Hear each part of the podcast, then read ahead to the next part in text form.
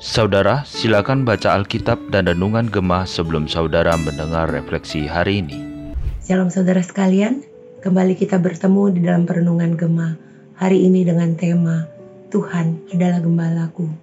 Terambil dari salah satu bagian Mazmur yang sangat terkenal yaitu Mazmur 23. Nah sebelum kita membaca merenungkan mendengarkan firman Tuhan, saya mengajak kita siapkan hati kita, kita berdoa. Tuhan, saat saat ini kami serahkan diri kami di hadapan-Mu ya Tuhan. Biarlah Tuhan tolong kami. Kami boleh ya Tuhan membaca, mendengar, mengerti akan firman-Mu. Sehingga kami boleh melakukannya di dalam hidup kami. Berfirmanlah Tuhan dan kami siap mendengarkan. Dalam nama Tuhan Yesus Kristus kami berdoa. Amin. Saudara, saya akan membacakan bagian dari pasal 23 ini ayat 1 sampai 4 saja. Demikian bunyinya. Tuhan, gembalaku yang baik. Mazmur Daud. Tuhanlah gembalaku, takkan kekurangan aku. Ia membaringkan aku di padang yang berumput hijau.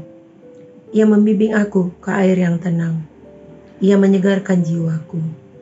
Ia menuntun aku di jalan yang benar demi namanya. Sekalipun aku berjalan dalam lembah kekelaman, aku tidak takut bahaya, sebab engkau besertaku. Gadamu dan tongkatmu, itulah yang meneguhkan aku. Saudara mungkin bagian ini sedikit berbeda dari Alkitab saudara, karena ini adalah TB2. Saya menghimbau saudara boleh membeli akan Alkitab TB2 ini sehingga kita boleh mendapatkan uh, pembacaan yang lebih kekinian yang lebih mungkin akan lebih baik kita mengerti. Nah, siapa sih yang tidak tahu Mazmur 23? Biasanya Mazmur ini akan kita bacakan di saat seseorang sedang dalam banyak pergumulan, kesulitan, kesusahan, ataupun bahkan di saat kedukaan.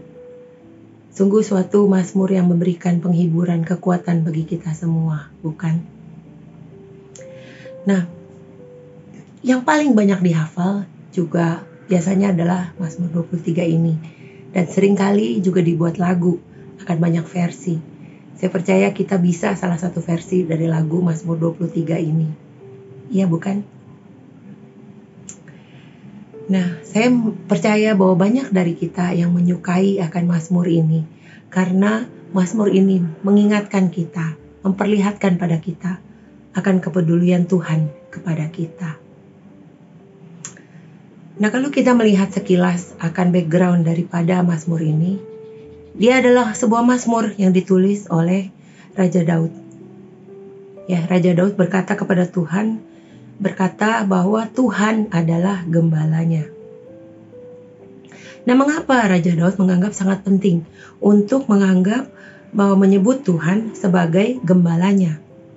Ya, kalau kita tahu latar belakang Daud adalah orang awam, dia adalah gembala ya.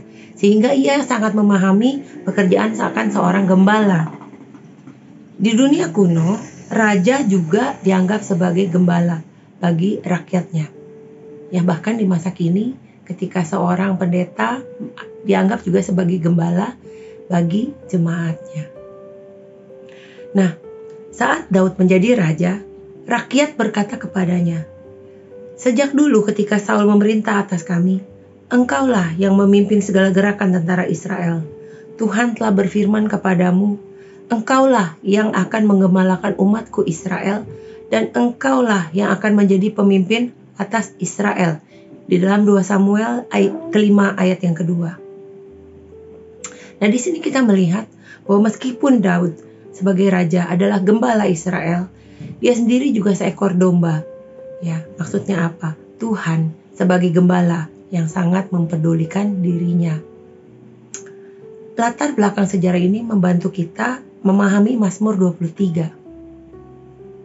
Bagi orang Israel, Mazmur ini menyampaikan pesan bahwa Tuhan memperhatikan akan raja mereka. Ya, Tuhan memperhatikan raja mereka.